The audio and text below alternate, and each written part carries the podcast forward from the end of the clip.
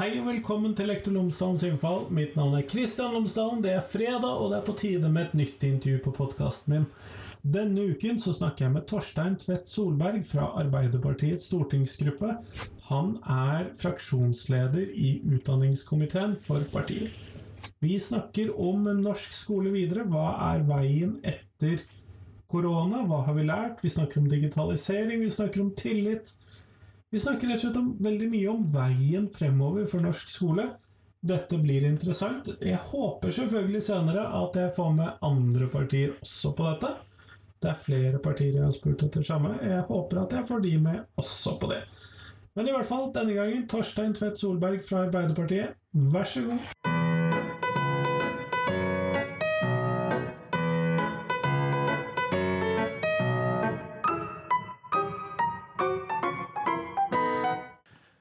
Torstein Tvedt Solberg, tusen takk for at du har tatt deg tid til meg i dag. Veldig hyggelig at du ville komme, og velkommen til mitt storslåtte kontor. Ja, for vi er jo på Stortinget. ja, du har kommet her i det som er starten på Stortingets uh, sommerferie. Du merker at det er rolig i gangene. ja, det er jo det. Og det er få mennesker man møter. Det... Ingen kø med kaffemaskinen. Og, ja. Vi hadde siste møte i Stortinget i forrige uke. Da fikk vi liksom banka gjennom revidert budsjett og alt det som skulle, uh, skulle, gjøres. Så nå er det roligere dager, heldigvis. Det har jo vært en hektisk periode. ja, nei, jeg ser jo det på de jeg kjenner her, at eh, det er godt for administrasjonen å gå klokka to, tror jeg. Ja, ikke sant. ja, ja. Det er faktisk noe med det det er faktisk noe med det. Og faktisk, siden eh, til, til, denne poden, du er faktisk på et litt sånn historisk kontor. For dette kontoret som jeg har nå, da, hadde Kristin Halvorsen før. Så det er rundt det bordet vi sitter nå, at barnehageforliket da i sin tid ble fremforhandla. Det er litt kult. Det er faktisk litt kult. Historisk grunn. Einar Gerhardsen henger på veggen og alt det der. Det, det, er litt sånn det skal Hører liksom hjemme her. Det, det er noe med det. Men Kjempeflott. Kunne du ha fortalt lytterne mine tre ting om deg selv også, sånn at vi blir litt kjent med deg òg, ikke bare Stortinget? Ja, ikke sant. Nei, eh, de, de harde, kjedelige fakta er jeg er 35 år, jeg kommer fra Stavanger og er sånn sett valgt inn fra Rogaland. Eh, og, og er eh, ja, 30, 35 år. Eh, og eh, som du ser på bordet her, så er jeg veldig glad i Lego. Eh, du sitter jo nå og speider på min eh, spesialimporterte Trump-legomann som jeg har her. Så jeg er, veldig glad i å bygge Lego og, holde på med, eh, med, med Lego. Og heier på Viking. Det ser du kanskje òg her på, på, veggen. Det har jeg sett på Facebook også. Ja, det er jo et, eh, Fotball er jo et sorgtungt eh, forhold. Det, liksom, ja, det, har ikke gått så bra med Viking nå i serie, seriestarten, men vi vant nå cupen i fjor, så enn, en så lenge så, eh, så, lever vi på, så lever vi litt på, på det, da. Ja, nei, eh, det er deg og Iselin Nybø som legger ut om Viking på Facebooken-veggen min, ser jeg. nei, Vi er ikke så mange, men vi er veldig hardcore, den gjengen som, eh, som, er der. Men det er faktisk litt gøy å følge med, eller liksom å følge Viking nå, da, for har, eh, det var jo et sånt lag med mye penger som kjøpte mye spillere, men nå har vi ingen penger igjen, for vi tapte, vi var så dårlige og tapte alt. Så nå er det liksom lokale folk, da, så det syns jeg er litt kult. så for eksempel sist kamp nå, så var det en fra min bydel, da, De Sosa som han heter, som hadde sin første kamp fra start. Spilte Det er jo litt kult, at også at det er lokale spillere. Ja. Veldig veldig gøy. Så da var jeg liksom ekstra, ekstra, stolt. Så jeg skal skaffe meg en drakt med hans navn på det. Dette kjenner jeg igjen fra guttungen hjemme.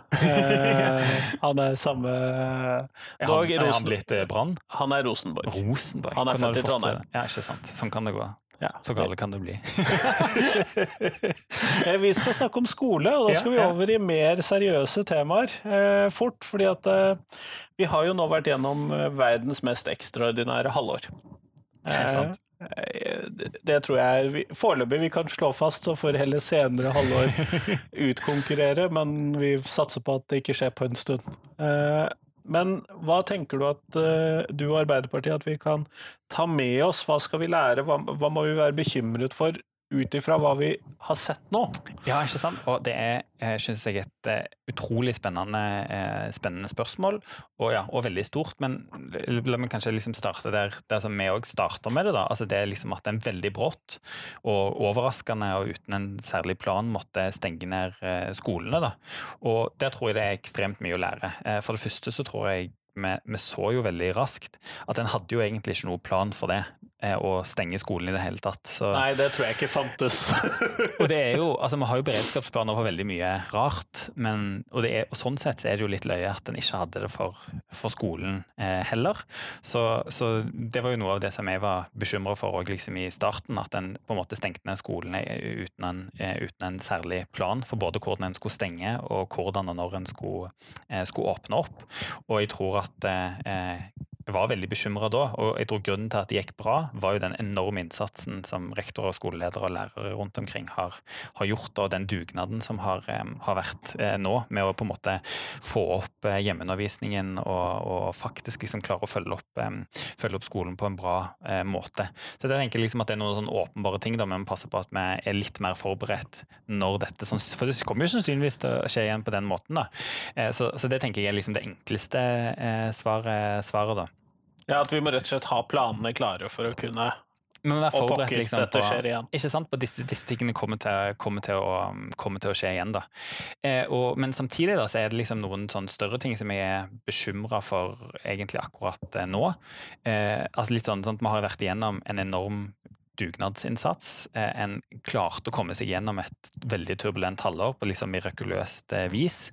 Men det har jo hatt noen effekter som jo sånn sett, ikke sant, sånn på bakgrunn av at vi ikke hadde noen plan, da. Vi visste jo egentlig på forhånd òg at dette med hjemmeundervisning sannsynligvis kom til å gå utover de eh, svakeste elevene, de som trenger på en måte skolen og det læringsfellesskapet mest. da. Og det har jo rapportene som vi har fått nå litt sånn underveis, og som vi tipper vi kommer til å få flere av, egentlig òg bekrefta. Eh, da både det at det har gått spesielt utover de mest sårbare og, og, og svakeste barna, så de som, eh, at de får, har fått større sånn De som hadde størst behov for skolen som institusjon. Ikke sant? Det å eh, treffes i fellesskap. Og det er jo på en måte, hva skal jeg si, alltid fra de som har vanskelig hjemmesituasjon, til de som òg på en måte i på en annen måte enn gjennom det digitale, og jeg trenger å treffe en lærer for å på en måte få, få et skikkelig læringsutbytte da, og mestre litt på andre måter. Jeg tror de som er flinke og kan kunne det digitale, de har, de har kost seg, holdt jeg på å si. Men, men, nei, og, og, men også det som på en måte jeg faktisk syns var litt overraskende, som jo Thomas Nordahl eh, fant fram i, i, sin undersøkelse, var jo at det store flertallet av elevene føler de har lært mindre av det å ha, eh, ha eh, hjemmeundervisning.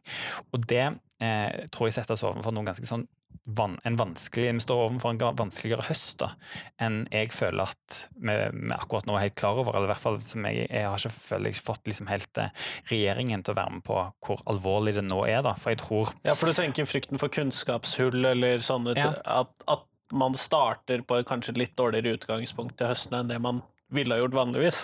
Ja, veldig. Og altså, sånn som jeg ser det, ikke sant, at det har vært en veldig dugnad. En fikk det hjemmeskolen. En gjorde en enorm innsats for å komme tilbake igjen på skolen. Og liksom sånn heseblesende da, med enormt mye ekstraarbeid hos mye lærere og rektorer og sånt. ikke sant? Kom tilbake på, på, skolen på helt sånn heroisk vis. Og så er det liksom nå blitt sommerferie. Og da har en jo egentlig ikke hatt den tida i vår som en vanligvis har hatt, eller vanligvis pleier å bruke da, til å planlegge høsten. Og på toppen av det hele så, så, ser vi jo at veldig mange skoler og kommuner har hatt store ekstrautgifter som de ikke har blitt kompensert. Så der, det er en av de tingene jeg har vært veldig opptatt av nå når Stortinget har diskutert revidert budsjett, at jeg mener Arbeiderpartiet foreslo at vi måtte legge en milliard på bordet til skoler og barnehager, sånn at en med en gang på en måte fikk penger, sånn at en slapp da å bruke sommeren på kutt og nedbemanninger, og heller kunne bruke sommeren til å planlegge liksom det som kan være i hvert fall en tilnærmet normal eh, skolestart. For det er jo Og der må jeg innrømme at jeg har ikke fulgt med helt. Ja. Fikk dere den milliarden? Nei, den var med, foreslo han, og den ble dessverre nedstemt. Eh, så har jo heldigvis Guri Melby og regjeringen sagt at de, de, eh, det skal komme penger, men jeg syns det er merkelig at det er en helt annen logikk for skoler og barnehage enn det er f.eks. For, for næringslivet. Da har jo milliardene i hundretall sittet veldig løst her på huset, men på, på, skole og barnehage så skal en liksom vente og se, da. Og det som er på en måte alvorlig med det, er jo at eh, til og med den loven vi har lagt, kommuneloven, sier at ingen kommune eller skole kan bruke penger de ikke har. Så de kan ikke planlegge for at de kanskje får penger i høst. De må planlegge for det budsjettet de har, som nå er på en måte Ja, for de kan minimum gå i null. Ikke sant. De kan minimum gå i null. Og når de da har brukt mer penger enn de har, så er hverdagen der ute i veldig stor grad at de må kutte. Og ser jo flere kommuner allerede. Fredrikstad, Ålesund, Trondheim har vedtatt kutt i skolebudsjettene sine.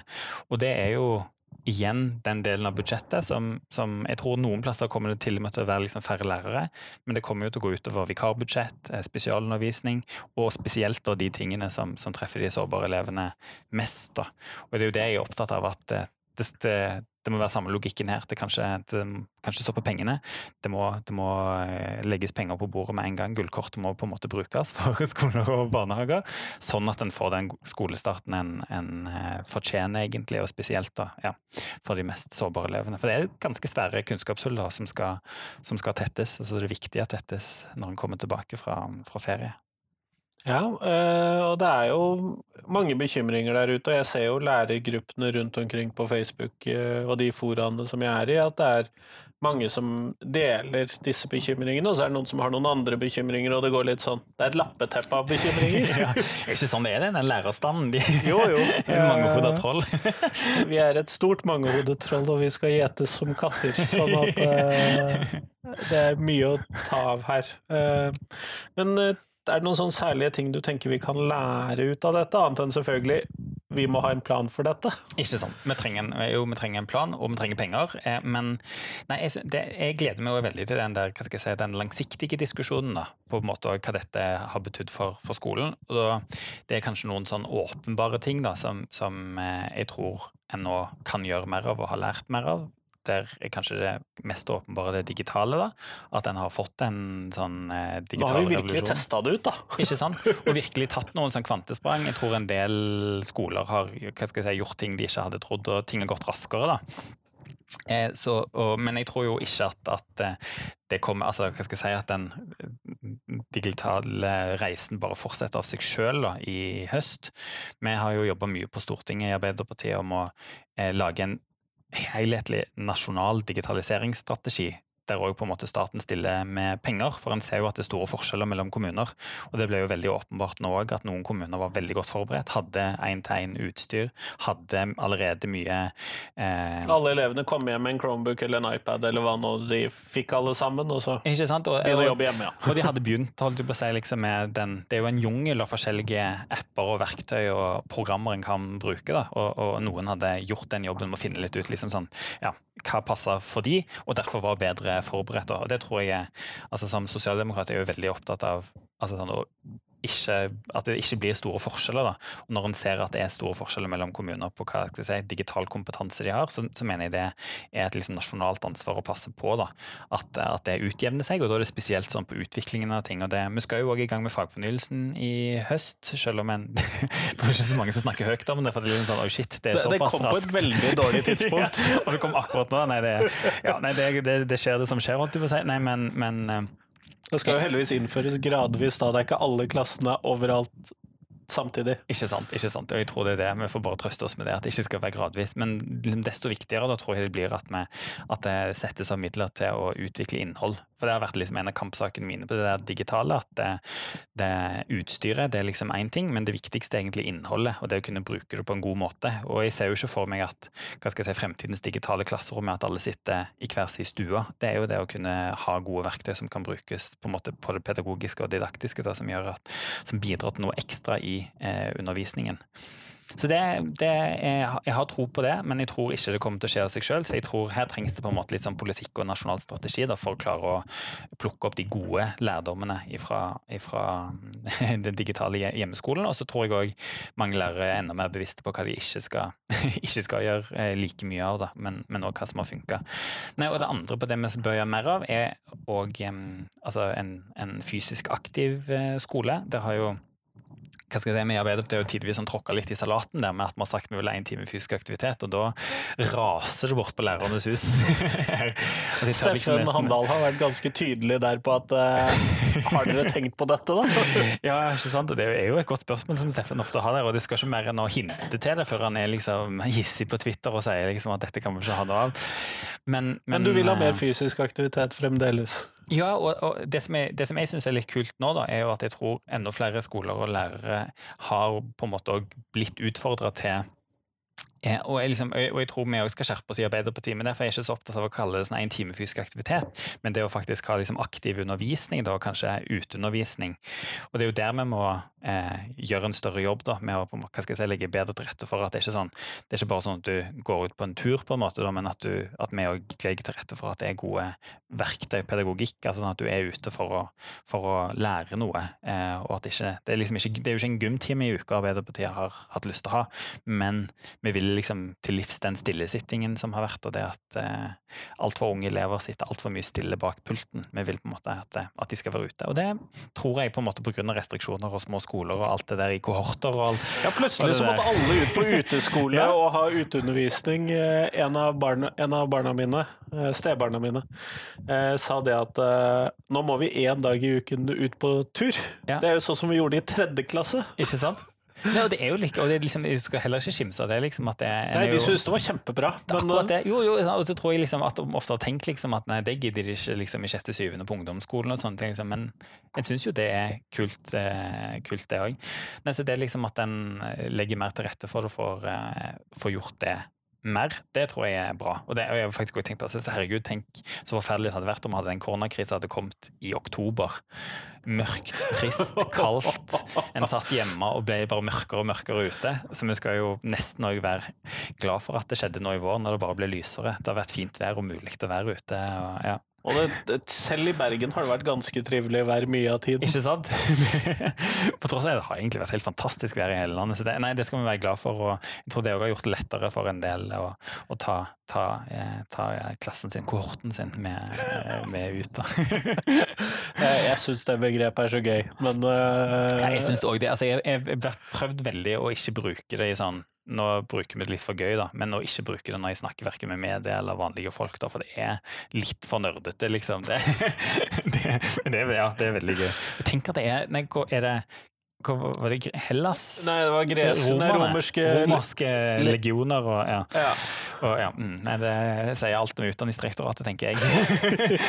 det er ikke det vi alltid har visst, hvordan de driver og holder på. Vi burde marsjere i takt og så videre. Ja, ja, ja, Det er sånn de ser på oss. Men eh, nei, jeg har jo sett det at uteskole har jo vært en del av miksen som ble, og mens det fortsatt var hjemmeopplegg, så var det i hvert fall ett av barna mine som hadde hvor skolen hadde lagt opp til sånn uh, mobilbasert orienteringsløp. Sånn at du slapp å gå og hente kart, men Ikke du brukte sant? en app. Og så gikk de rundt og uh, løp orientering og løste noen spørsmål og svarte på noe greier innimellom og sånn. Uh, så fikk de ut av huset, og så gikk de med en meters avstand, og i hvert fall presumptivt en meters avstand. fordi det gikk jo da noen fra klassen sammen for å løse denne orienteringen. Det syns jeg var eh, en fin Noe som vi antagelig også kunne gjort til hverdags. Ikke sant?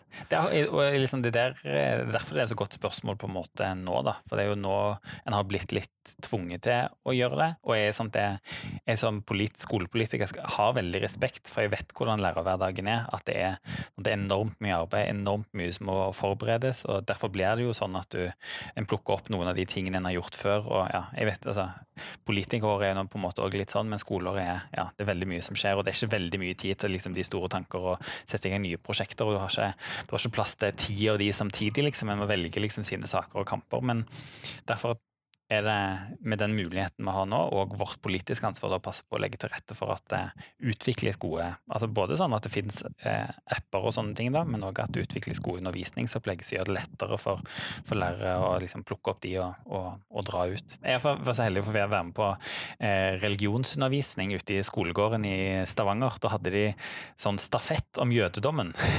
Ja, stafett om jødedommen, ja. det hadde jeg ikke sett for meg. Det er ikke, så, ikke jeg heller. Og det var, hva var det, fjerde eller femte klasse på barneskolen. da. Det, og det var egentlig sykt smart opplegg, for da det er jo litt altså, Hvordan skal du begynne å snakke om jødedom? Så Læreren hadde funnet ut at introduksjon til ordene kan en jo gjøre gjennom en sånn stafett istedenfor å sitte i klasserommet. Så da fikk de forskjellige liksom, ord, og så skulle de liksom løpe og hente de og sette de sammen.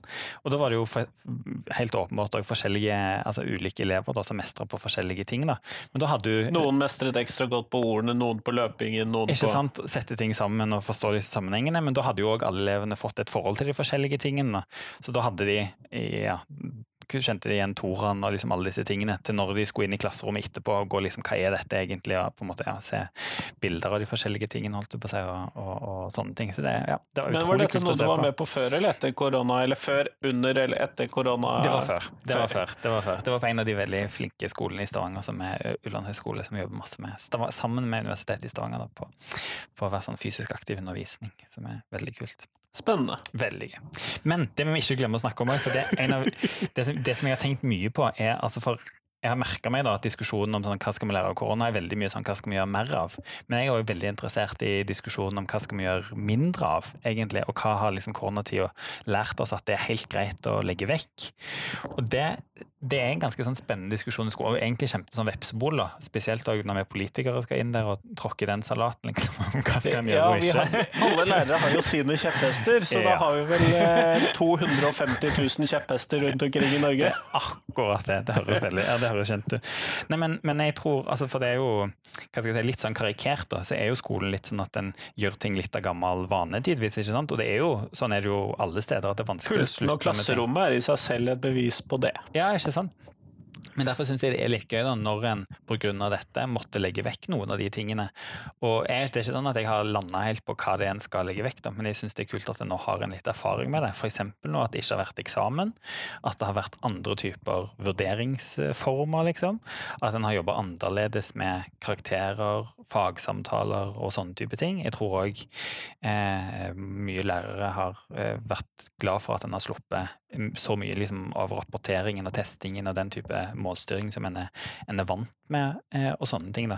Så det, ja, det Budskapet mitt er vel egentlig at jeg har ikke sånn ferdig landa på hva det er som skal kuttes ut, men jeg tror vi har, har Men vi må del, ha den samtalen. Ja, ikke sant? Og, og, jeg tror det er mye erfaringer der ute nå på, på, på hva som var helt greit å, å, å, å legge vekk, da, og ja, gjøre ting på en litt annen måte rett og slett. Det jeg syns var skikkelig kult eh, i år, med tanke på det du sier, ja.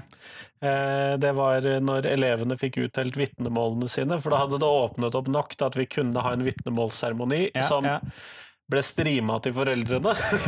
for de kunne ikke være der. For jeg jobber på en relativt stor skole. Eh, med 600 elever, så vi har 200 avgangselever hvert år. Så det har blitt for mye foreldre. Eh, vanligvis så leier vi et stort hotell for å gjøre dette. Ikke sant, ja. Eh, men de fikk da vitnemålene sine, og så fikk de da, så sto det der da, så sto det Du skulle hatt muntlige og skriftlige eksamener i disse fagene.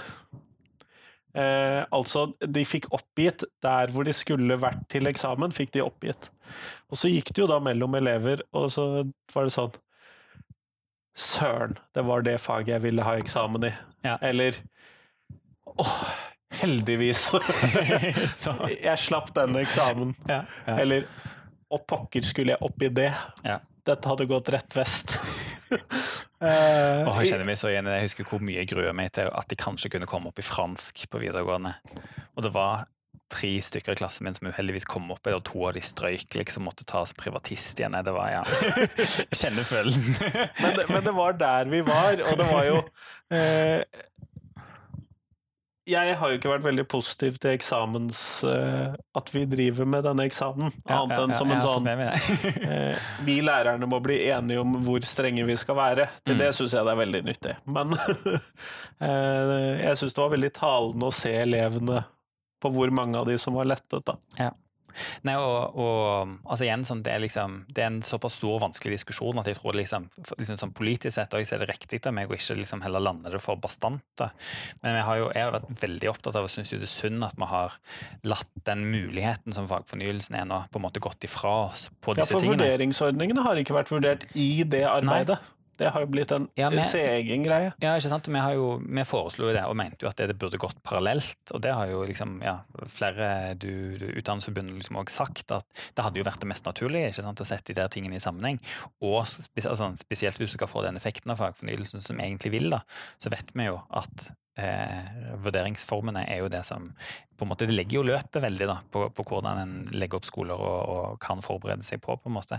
Så um, eh, ja, det håper jeg, altså jeg håper jo veldig at vi vinner valget og vi får andre koster i, i Kunnskapsdepartementet, og det mener jeg er en av de tingene en skikkelig må ta fatt på, da, og, og se på hva som, eh, hva som er gammeldags, og hva som bør ut, og hva som bør gjøres, eh, gjøres annerledes. For jeg har ikke så tro på det der greiene der. Hvordan stiller dere til sånn apropos av disse tingene som Ja. vi nå har oppe litt til sånn drøfting, eh, så er det jo da Fraværsgrensene har jo blitt, hva skal vi kalle det, utfordret Ja, ja, av den situasjonen vi hadde nå. Men den er jo, og sånn sett er jo det litt sånn spennende i seg sjøl. At jeg, har jo terga eh, Høyre spesielt, da, men, men òg Guri Melbu fra Venstre litt med at de har jo måttet legge vekk all høyrepolitikk nå når det har vært eh, krise med, med eksamener og tester og fraværsgrense og, og alt det der. Nei, altså vi fikk jo nettopp rapport om, eh, evalueringsrapporten om, om eh, fraværsgrenser, og det er jo, jeg synes jo der er det mye positive signaler. da. Så, så Sånn sett så tror jeg den fraværsgrensa er kommet, kommet for å bli. Eh, men eh, si, det, var liksom, det var jo en lykkelig overskrift på en måte på, på rapporten, men det er jo veldig mye si, liksom detaljer og ting der som det er viktig at vi tar, eh, at vi tar tak i. Der. Så jeg mener jo ikke at fraværsgrensa sånn som man er nå, er perfekt på, på, på noen som helst måte. Det var nok, vi var jo, Arbeiderpartiet var jo i bresjen for å få den innført, men vi hadde jo mange eh, hva skal jeg si, sånn forbehold da, på å være med på å innføre den som eh, høyreregjeringen ikke liksom har fulgt opp. Da. Og det har de fortsatt ikke fulgt opp på en god nok måte. og det det er nok det vi kommer til å være opptatt av å ta tak i nå. Og da er det jo alt ifra de, der, de mer konkrete grepene for å passe på å hindre frafall. Da. Det er jo en del elever som en ser liksom faller helt fra pga. dette, eh, som, som sånn heller ikke viser de der lykkelige statistikkene, da, fordi de liksom er, er ute av de. Da. Det er ikke bare at de får ikke vurdert, de er liksom falt helt eh, ut. Så der, der er det eh, ja, en stor jobb som må, må gjøres. Men òg det der rent sånn, hva skal jeg si, byråkratiske som, som løftes fram, da, at det har vært et enormt press på, på fastlegene og helsetjenesten med dette, men òg eh, mye mer tidvis som byråkrati for eh, en del liksom, lærere og, og skolesystemet. Da, at det mye, alt det der at du må huske, jeg vet ikke hvor mye du er borti det der at du må skrive sånne hva heter det igjen, advarsler eller sånn? eh, Og jo da, jeg er borti det innimellom. Eh. Har sendt ut noen av de. Hva heter det nå igjen? Ikke, Nei, varsel. Varsel er det, ikke advarsel, men Det var ikke så langt unna. ja. Men det jeg også lurer litt på, er hvor mange lærere som egentlig bedriver sivil ulydighet i dette, mm, og som rett og slett ikke fører fravær. mm. Eh, noe jeg kan ha sympati med, men Ja. eh, som er jo problematisk, for det blir jo da litt vilkårlig hvem dette rammer, da. Ja. Nei, og det, ja, det er jo Det var jo litt av grunnen til at en innførte liksom, si, nasjonal fraværsgrense, da, fordi en, en visste at det var ganske forskjellig rundt omkring. Så sånn sett så tror jeg vi har gått et skritt i at det er litt mer sånn altså et helhetlig regelverk som hele skolen eh, forholder, seg, eh, forholder seg til. da. Men, men eh, det er nesten litt sånn at jeg håper jo at en driver litt sivil ulydighet med dette òg, for det er, jo, det er jo så utrolig mange forskjellige skjebner der ute. I koronatida så leste jeg den flotte boka 'Klassen', eh, som jo beskriver Ja, Marte Spurkland. ja. Som på en veldig fin måte beskriver altså, hva skal jeg si, mangfoldet av skjebner som er i et eh, klasserom, da, og hvor mange forskjellige ulike grunner det er til at en liksom kan, kan falle litt eh, fra. Og det, jeg mener jo for da at en åpenbar, eh, åpenbar ting vi må se på fra Stortinget, er jo spesielt disse småfagene og totimersfagene og sånne ting som òg kommer veldig uheldig ut. da. Der bør en jo kunne Geografifaget, når jeg har det, så Ja. må jeg skrive varsel til lunsj og sende Nei, jo, jeg må sende varsel til lunsj og IV til eh, slutten av skoledagen. Ja, ikke sant det? For jeg har seks sånn. timer av gangen. Ja, ja, ja. Eh, Så det er jo en ting. Men eh, du snakker jo for det er nasjonal fraværsgrense, eh, nasjonal satsing på eh, digital undervisning Mm. eh, osv. Så, videre. så det blir jo da mye sånn, hva skal vi kalle det, ovenfra. Ja.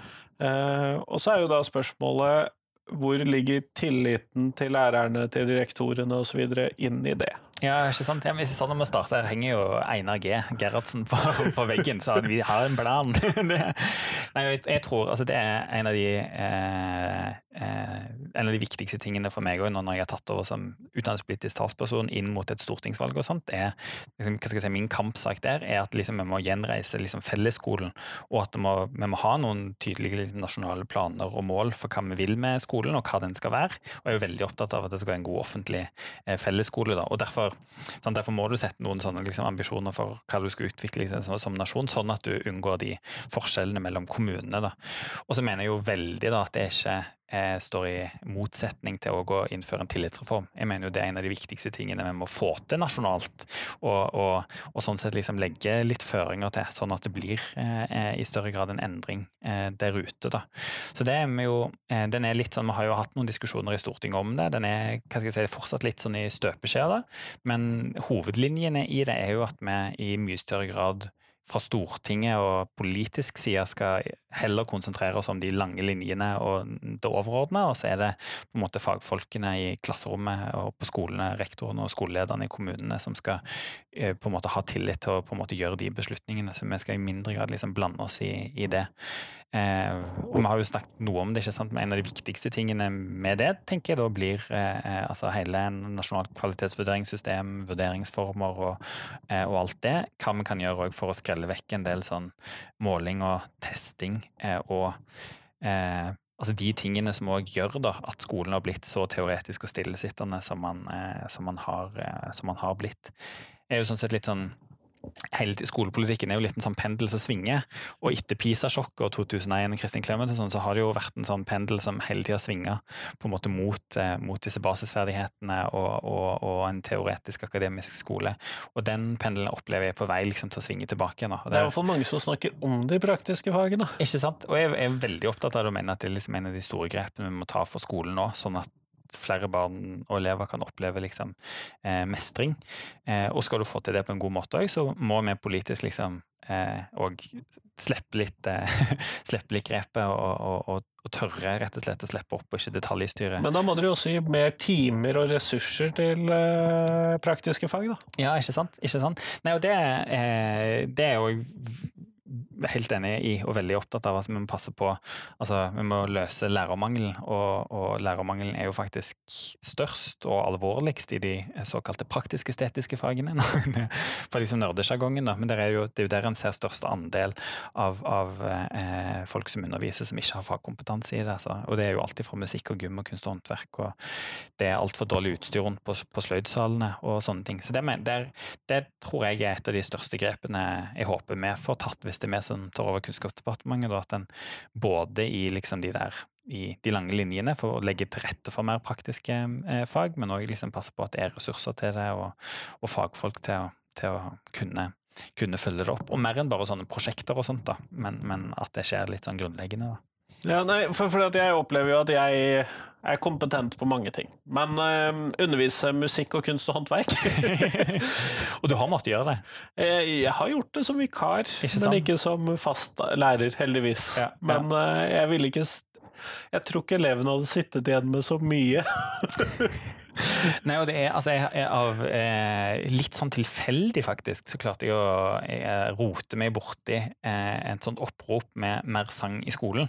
Jeg vet ikke om du følte kanskje Jo, det sa jeg. De som eh, klaget over at sangen forsvant ut av læreplanen, var det det? Stemmer. Ja. Stemmer. Og det, liksom, det ble jo litt et sånt beger som da rant over, med på en måte det. Altså Ikke at det var så stor sak i seg sjøl, liksom. Det tror jeg gjorde at veldig mange av de musikklærerne og sånt liksom følte at nå, nå er, er vi liksom, dette er dråpen, nå er vi ute, liksom, når du bare kaster inn håndkleet. Så da ble det et veldig stort stort opprop, og som ja, igjen litt sånn det jeg sier, litt tilfeldig, da, så ble jeg liksom talspersonen for hele oppropet. Vi hadde interpellasjon i stortingssalen, demonstrasjon utenfor Stortinget med meg og May-Britt Andersen, og det var allsang og full pakke. Så det var veldig gøy. Men det, da lærte jeg liksom også sånn skikkelig det der med at altså på en måte hvor grunnleggende det er, egentlig akkurat det du sier. da, Det er ikke sånn at du bare kan tenke at du kan sette hvem som helst i et klasserom og gi dem en sangbok, og så på en måte lærer du noe av det. Det ligger så utrolig mye i den pedagogikken da, på å kunne bruke f.eks. sang da, til et verktøy som gjør at du ja, f.eks. lærer bokstaver bedre, lærer matte bedre, eller på en måte får til å mestre på andre måter. Og det er ja, En av de viktigste tingene for meg i skolen er at vi legger til rette nå for en skole som har et bredere kunnskapssyn, der barna får lov til å mestre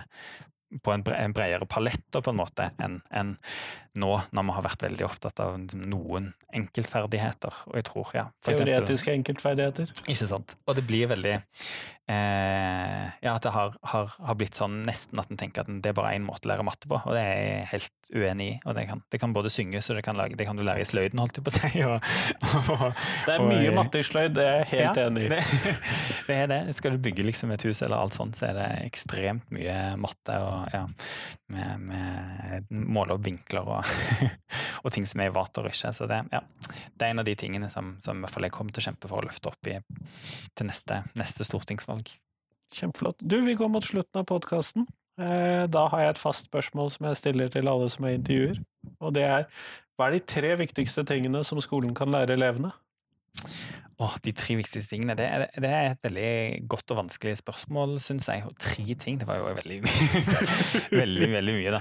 Nei, men det som jeg synes elevene er veldig gode på, er at de er flinke til å stille spørsmål med mye. Jeg tror nok både lærere og vi som politikere syns at det er litt sånn irriterende og brysomt og sånt, liksom.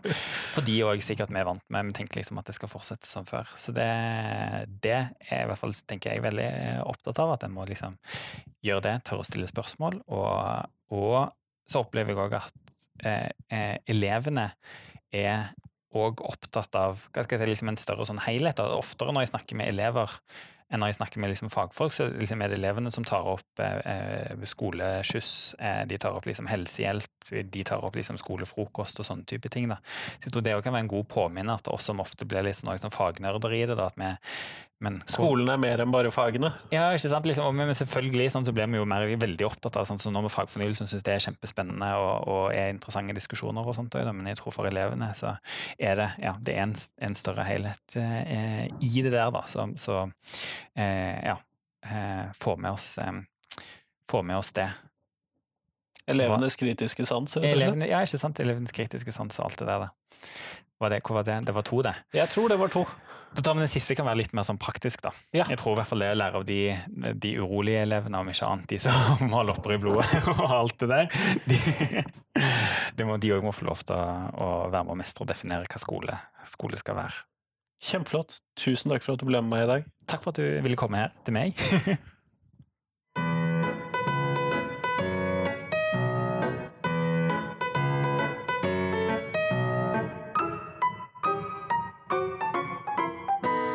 Tusen takk til Torstein, og tusen takk til deg som hørte på. Nå er det bare rett til tirsdag før det kommer en ny episode på podkasten. Jeg kjører som sagt doble episoder i hele juli. Så jeg håper at du finner noe som du kunne tenke deg å høre på på podkasten i sommer. Mange andre podkaster tar jo sommerferie, men ikke Lektor Lomsdalen sin. Jeg tenker jo at eh, lærere burde ha minst dobbelt så mye tid til å høre på podkast i løpet av sommerferie, i tillegg til at andre som podkaster tar sommerferie. Men i hvert fall, fram til tirsdag, ha en god uke, så håper vi på finvær i passelige doser, sånn at bøndene også får vann til uh, avlingene sine. Men i hvert fall, hei hei!